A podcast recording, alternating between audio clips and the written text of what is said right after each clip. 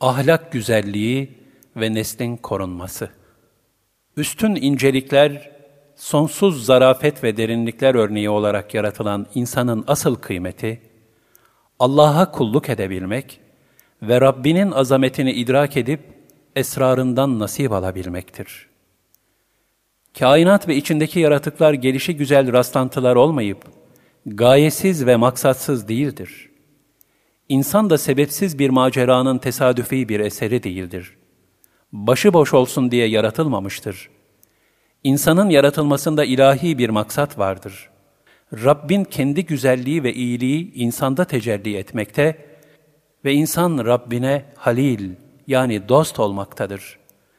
Diğer yaratıklarsa insanı yaşatmak içindir. İnsan halife kılınmıştır. Halife olmak, fedakar insanlara lütfedilmiş bir vekalettir. Bu vekaleti ifa edenler, Rabbin gören gözü, işiten kulağı haline gelirler. Bu da Kur'an-ı Kerim'in ahlakıyla ahlaklanmakla mümkündür. Allah Teala buyurur, Kötülükle iyilik bir olmaz. Sen kötülüğü en güzel bir şekilde önle. O zaman bir de bakarsın ki, seninle arasında düşmanlık bulunan kimse, sanki candan samimi ve sıcak bir dost olur. Fussilet 34 Kur'an, insanı ahlakın en faziletli noktasına eriştirir. Hasan-ı Basri radıyallahu an kendisini gıybet edene daima tatlı hediye göndererek teşekkür ederdi. Zira bütün ibadetler ve zikirler güzel ahlakla kemale erişir. İlahi güzellikler mecmuası halinde dünyaya gelen insan, hayat imtihanına tabi tutulduğundan, kendisine hayra da şerre de müsait, geçici bir hürriyet verilmiştir. O, nefsinde gizlenen fısku fücur ve ruhaniyetinde bulunan takva temayülleriyle baş başa bırakılmıştır. Kötü huyların yaratılması, imtihan gayesini sağlamak içindir. Ayet-i Celile'de, nefse ve onun ince teşkilatını koyana yemin olsun ki, ona kötülükleri de, iyilikleri de ilham etmiştir. Nefsini temiz tutan kimse mesut ve bahtiyar olur. İçini kötülüklere bulaştıran kişi de hüsran ve helake düşer. Eşşems 7-10 buyurulmaktadır.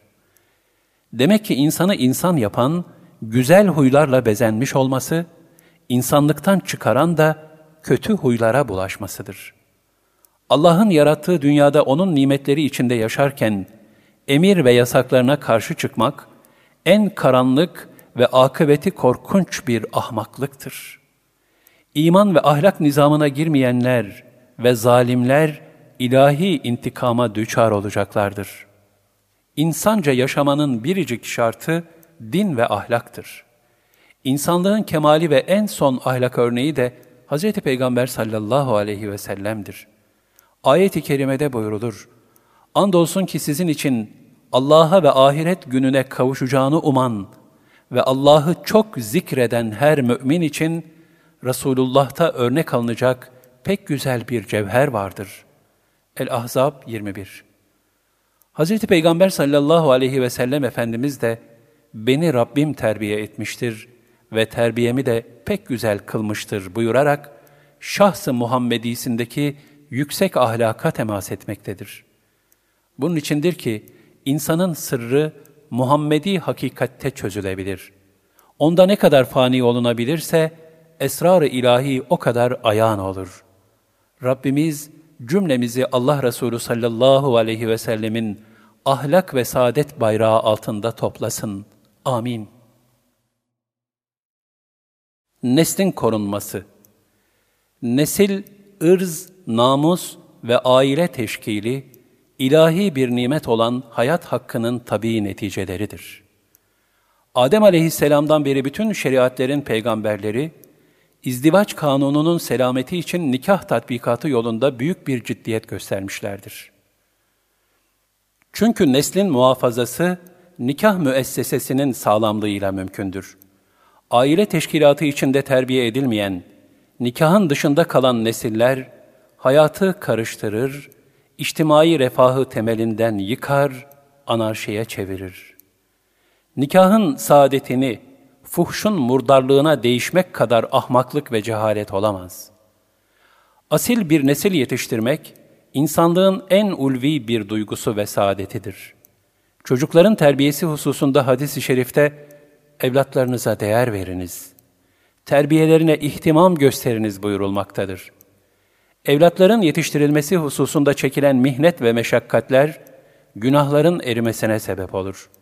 Allah'ın ibadethane olarak yarattığı bu cihanda, kulluk tezahürlerini, manevi haysiyetlerini, insani şeref ve kıymetlerini kaybeden ülkelerin cihan haritasından silindiklerini acı acı beyan eden Kur'an-ı Kerim, insanlara irşad ışıkları tutmakta ve ebedi saadetin yollarını aydınlatmaktadır.